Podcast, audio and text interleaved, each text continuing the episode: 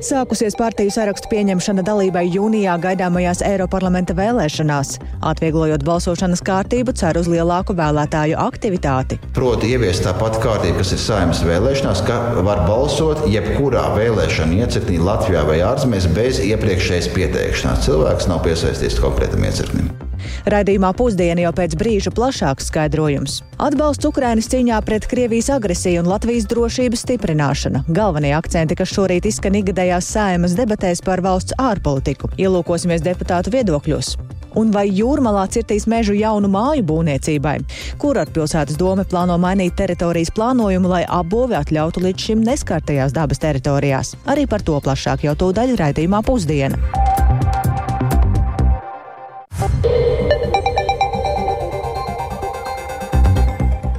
12,5 minūtes. Turpmākajās minūtēs ēterā raidījums pusdiena, kurā plašākā izklāstā runāsim par šajā ceturtdienā, 25. janvārī, būtisko studijā Dāca Pēkšēna. Esiet sveicināti! Un redzījums sākam ar to, ka Centrālā vēlēšanu komisija ir sākusi pieņemt partiju kandidātu sarakstus Eiropas parlamenta vēlēšanām. Šo uzdevumu jau šodien izpildīt plāno vairāki politiskie spēki, tikmēr par dažiem kandidātu sarakstiem vēl īstas skaidrības nav, un tos uzzināsim vien nākamajā nedēļā. Bet par visu vairāk kolēģis Jānis Kīncis. Sveiks, Jāni, tātad sarakstu iesniegšana ir sākusies. Jā, sveicināti! Turmākās nedaudz vairāk nekā divas nedēļas līdz 9. februārim Centrālā vēlēšana komisija pieņems partiju un politisko apvienību pieteiktos kandidātu sarakstus startam Eiropas parlamenta vēlēšanās. Šī būs piektā reize, kad Latvijā notiks Eiropas parlamenta vēlēšanas, un pēc šīm vēlēšanām, kas tātad notiks 8. jūnijā, Latvijai būs par vienu Eiropas parlamenta deputāta vietu vairāk nekā līdz šim - deviņas. Un katra partija vēlēšanās var pieteikt 18 kandidātus. Šodien savus kandidātu sarakstus iesniedz vairāk politiskie spēki. No rīta to izdarīja partijas Latvijas attīstībai pārstāvji. Tieši pašlaik Centrālajā vēlēšana komisijā ir pārstāvji no partijas stabilitātei. Nākamie būs progresīvie, tad jaunā konservatīvā partija un arī Nacionālā apvienība. Un, Kandidātu sarakstu reģistrēšana ilgst apmēram pusstundu. Centrālās vēlēšana komisijas sekretārs Ritvars Eglājs pārliecinās, ka saraksta iesniedzēji ir veikuši maksājumu par kandidātu sarakstu, saraksta reģistrēšanu un iesniegšanu. Tāpat, ka priekšvēlēšana programma un arī informācija par katru kandidātu ir iesniegta korekti. Es apvaicājos CVK sekretāram par citiem šo vēlēšanu gatavošanas procesiem.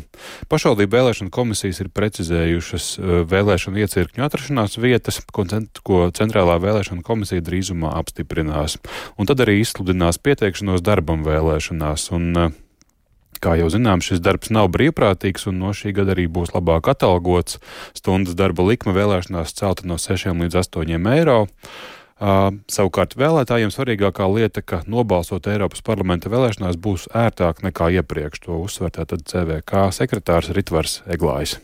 Jā, ir taisnība. Salīdzinot ar 19. gadu, kad notika iepriekšējās Eiropas parlamenta vēlēšanas, balsošanas kārtība ir kļuvusi vēlētiem ērtāka. Proti, ieviest tā pati kārtība, kas ir saimnes vēlēšanās, ka var balsot jebkurā vēlēšana iecirknī Latvijā vai ārzemēs bez iepriekšējas pieteikšanās. Cilvēks nav piesaistīts konkrētam iecirknim.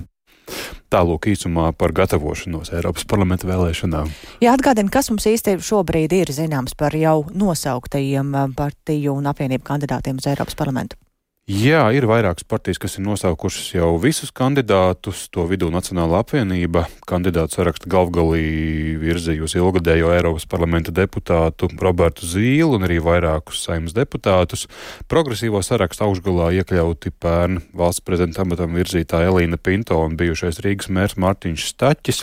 No jaunās konservatīvās partijas saraksta kandidēs, kandidēs eksministri Tālis Linkaits, Gatis Eglītis, kā arī dzēniece Lijāna Langa. Partijas saskaņa līderi šajās vēlēšanās būs Nils Ušakovs, Olga Petkeviča un Regīna Ločmele. Partijas stabilitātei saraksts pirmais numurs būs produktu vadītājam Nikitam Piņinam. Un Latvijas Krievijas Savienība Eiropas parlamenta vēlēšanās savukārt kandidēs no partiju apvienības pamats saraksta kopā ar Centra partiju. Un, uh, Krievijas Savienību pārstāvēs Miroslavs Mitrofānaus, Jeļena Osipova, Inna Ģerī un citi. Bet lūk, ko šorīt iesniedzot savas partijas kandidātu sarakstu, teica Latvijas attīstībai saraksta līderis Ivars Ījeps, kurš CVK ieradās kopā ar Arti Pabriku un Vjačeslavu Dombrovski. Es domāju, ka Eiropai šobrīd ir vajadzīgi cilvēki, kas spēj panākt lietas un vienlaikus nenodotos eksperimentiem. Jo skaidrs, ka šī nav tā situācija pasaulē, kad Eiropa varētu atļauties eh, svārstīties vai šķelties vai nezināt, ko darīt. Un kāda būtu aktivitāte augstāk par 30 ar kaut ko procentiem Latvijā? Vai tas ir iespējams? Es domāju, ka aktivitātei vajadzētu būt pietiekoši augstai, ņemot vērā to, kas notiek pasaulē. Un skaidrs, ka rietumu pasaules vienotība un Eiropas vienotība pēdējo gadu drošības izaicinājumu priekšā ir patiešām ļoti, ļoti, ļoti svarīga. Tādēļ es domāju, ka cilvēki atnāks īpaši Latvijā. Kandidātu sarakstus līdz šim vēl nav atklājusi jaunā vienotība, kas to plāno publiskot 3. februārī, un līdz šim arī vēl vērtējot, kuram no līderiem Valdim Dombrovskim vai Krišānam Kariņam sarakstā atvēlēt pirmo numuru. Vēl sarakstu gatavo arī apvienotais, apvienotais saraksts, kas pirmo numuru uzticēšot Twitter konvoja organizētājam Rēnim Pozņakam. Viņš nav neviens partijas biedrs, taču jau pagājušajā nedēļā īsā sarunā Latvijas radio apliecināja gatavību startēt šajās vēlēšanās. Savukārt Zaļo un Zemnieku savienības pārstāvji vakar atklāja, ka tās kandidāti būs saimnes frakcijas vadītājs Harijs Rokpelnis un arī uh, apvienībā ietilpstošās LSDSP vadītājs Jānis Dinēvičs. Uh, Tā kā jā, vēl, vēl viss līdz galam nav zināms, bet zināms ir tas, ka vēlēšanas notiks 8. jūnijā, un līdz tam vēl kandidātiem visnotaļ būs jāpacenšas iedvesmot vēlētājus, aizdoties līdz vēlēšanu iecirkņiem. Un šajā reizē mums jāizvēlās deviņi deputāti. Jā.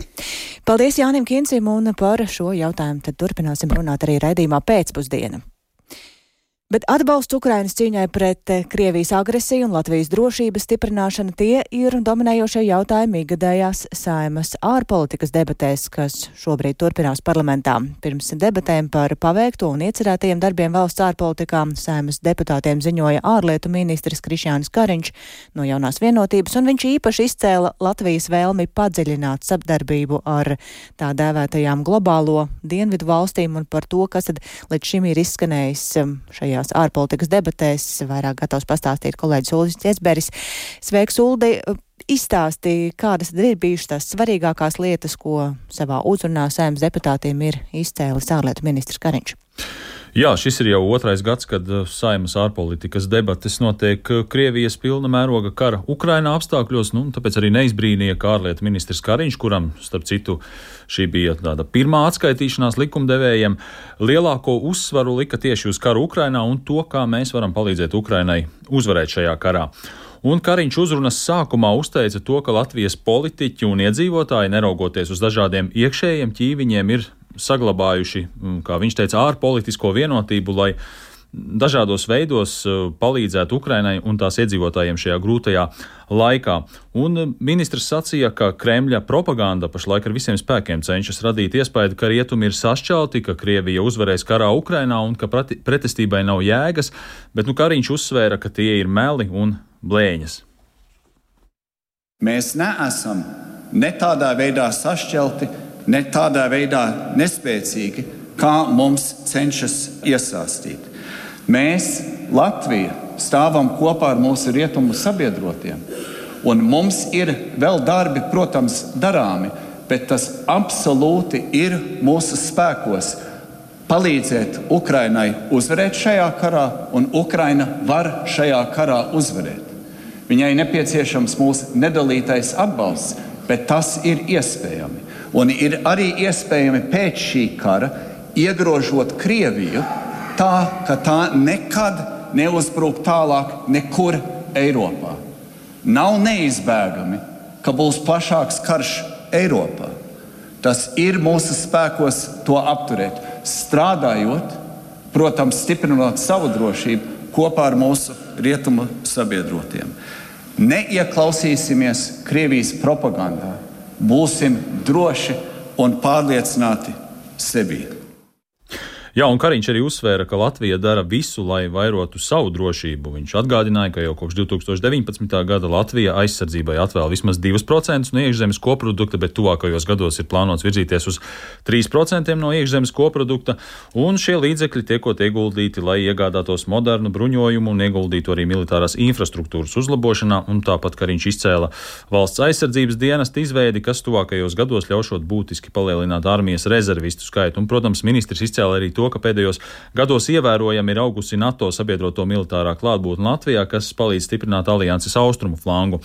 Runājot par citām ārpolitikas eh, prioritātēm, Kariņš uzsvēra, ka ir jāturpina darbs pie vēl stingrātā, eh, stingrākām un efektīvākām sankcijām pret Krieviju un Baltkrieviju, kā arī jācīnās pret to apiešanu. Latvija arī aktīvi turpinās darbu pie tā, lai tiktu izveidots īpašs tribunāls, kurā Krieviju sauktu pie atbildības par Ukrainā pastrādātajiem kara noziegumiem.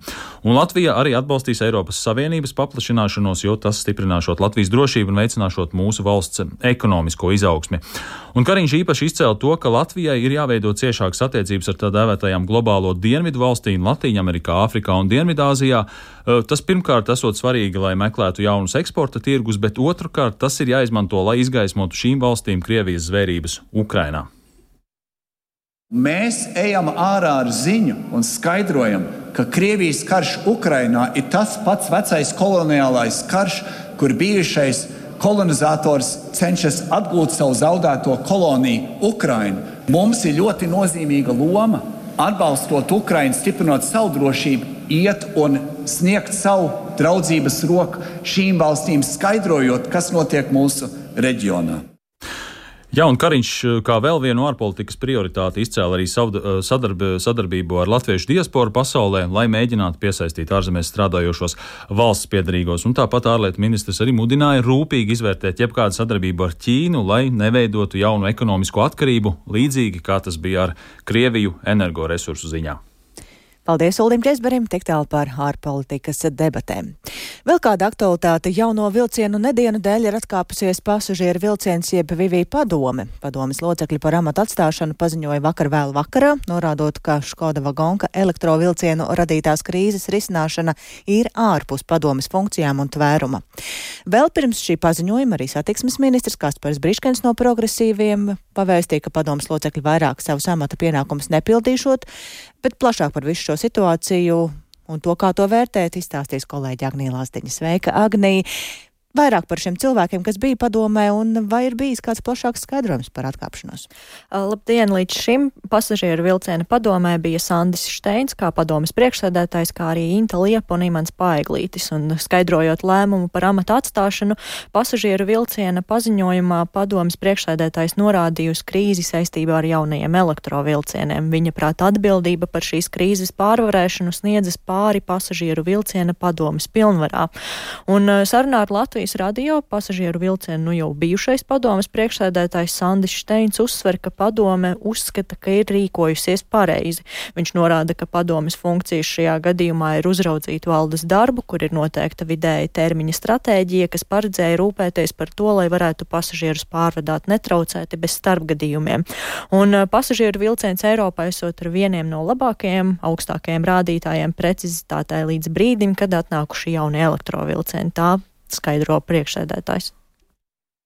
Pie tā, ka uzņēmums strādā un dara visu labu, bet pretī saņem tehniku, kura vienkārši nestrādā, tad ir jāsaka meklēt, kur tie iemesli, kāpēc certifikācijas iestāde ļauj tādus likt uh, uz sliedēm, kāpēc mums ir uh, jāpielāgojas peroniem, kuri ir nepareizā augstumā, kāpēc viņi nav uzbūvēti jau līdz šim, kāpēc elektrotīklos notiek uh, intensīva remonta, ka mums jābrauc ir tikai pa vienu sliedu vai arī traucē satiksmi. Nu, tur savācās veselu virkni ar lietām kopā, kuras nu, mēs varam tikai informēt, bet nevaram nekādīgi ietekmēt no savas puses.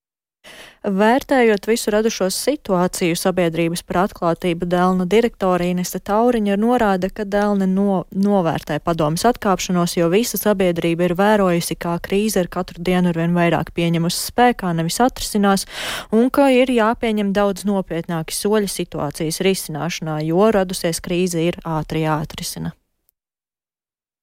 Padomas atkāpšanās, protams, ir kā tāds nozīmīgs solis, lai gan atzītu savu atbildību, gan arī dot iespēju tad varbūt jauniem spēkiem pieķerties krīzes risināšanai. Nu, jāatzīst gan, ka īsti nav skaidrs, vai padomē pati atkāpās, vai viņa tika atlaista. Protams, izskatās, ka padomē bija izdevīgi pašiem ātri atkāpties, nevis uh, tikt atlaistiem. Padome ir tā, kas uzrauga visu uzņēmumu darbību un galvenokārt jau sadarbojoties ar valdi, un tad uh, nu, šim līmenim līmenim, protams, ir daudz praktiskāk jāstrādā pie krīzes risināšanas. Un šajā gadījumā, nu, padomība ir tā, kas aizstāv šī akciju turētāja jeb valsts intereses. Tad satiksmes ministrijas uzdevums ir atrast tādu padomu, kur ir gatava risināt šo esošo krīzi un problēmas.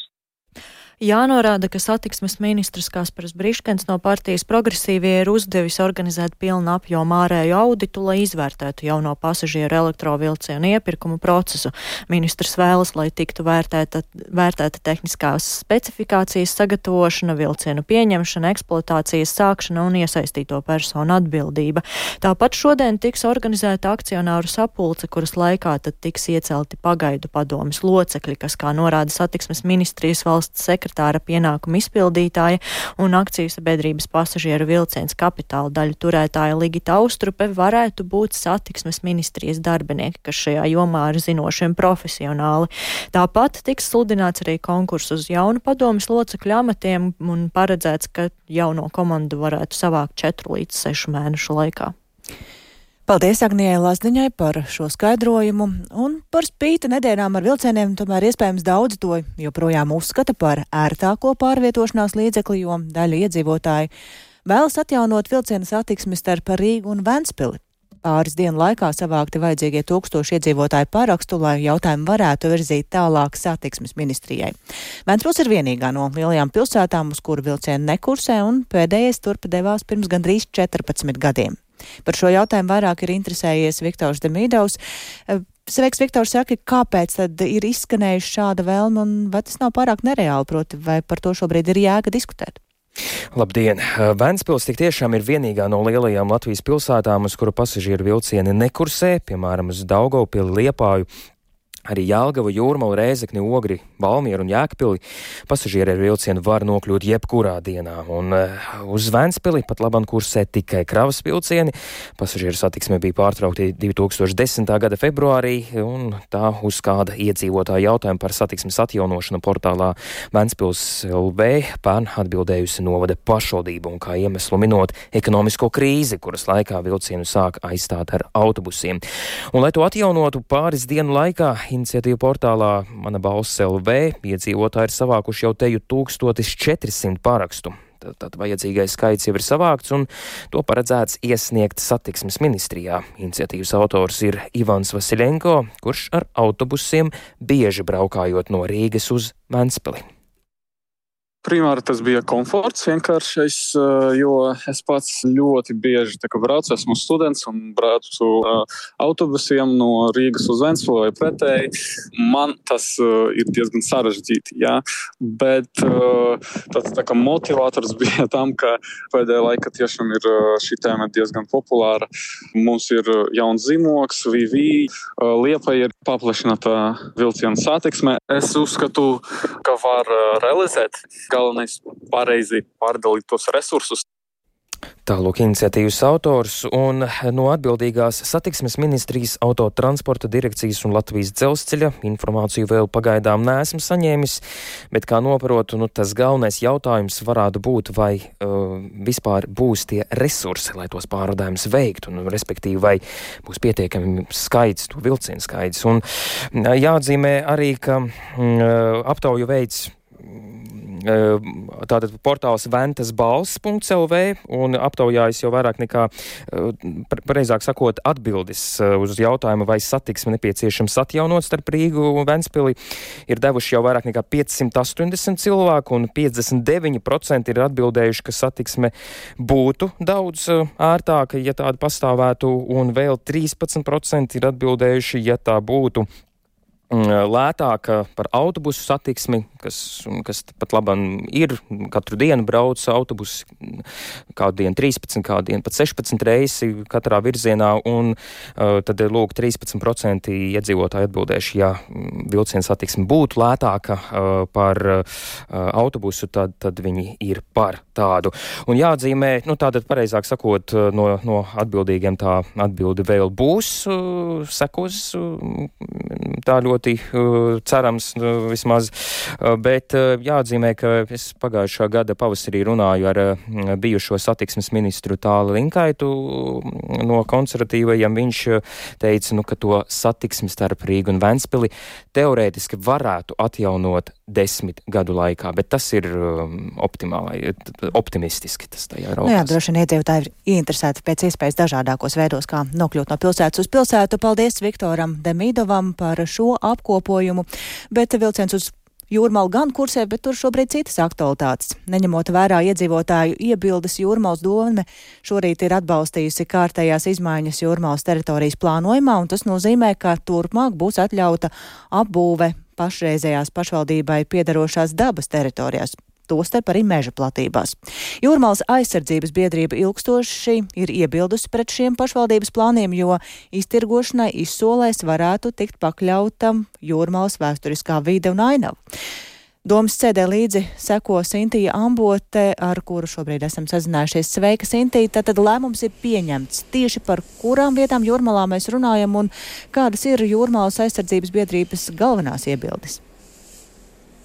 Jūrmālas teritorijas plānojuma grozījums Jūrmālas pilsētas doma uzsāka jau 2018. gadā, un Jūrmālas aizsardzības biedrība norāda, ka jau no paša sākuma ignorēta iedzīvotāja iebilduma, un biedrība lēš, ka šodien domē apstiprinātie grozījumi pieļauj ap 150 tūkstošu kvadrātmetru dabas teritoriju apbūvi, kas tiks pārdots izsolēs. Apbūvē nododamās teritorijas ir zemes gabali Lielupē, Bulduros un Pumpuros, un biedrības ieskatā nav pat laban objektīvu pamatojumu šo vietu nodot apbūvēji, jo vienlaikus tiks zaudēts meža platības pilsētā. Varam paklausīties Jūrmālas aizsardzības biedrības vadītāju un Jūrmālas domas opozīcijas deputātu Uldi Kromblūmu pēc šī plāna pieņemšanas šī atļautā izmantošana jau būs apbūvē, tad viņiem to visu pārdos izsolē. Tas mērķis esot, nu, lai palielinātu iedzīvotāju skaitu pašvaldībā. Ja tajā pašā laikā, nu, cik es skatos, sludinājumus ir gan zemes, gan dzīvokļi un tā tālāk. Un, diemžēl, šie meži, viņi nav kaut kādā pilsētas nomalē vai kaut kur, tas ir mežs Lielupē, Bulduros, tad ir mežs ielas malā līdz Jaudabultas stacijai, ja. Iedzīvotāji savus iebildumus iebildumus lielā skaitā ir izteikuši, taču pašvaldība, tā kā šis jautājums tiek virzīts uz domas sēdi un arī komiteja atbalstīts, viņi, nu, tā kā netaisās mainīt šo savu viedokli.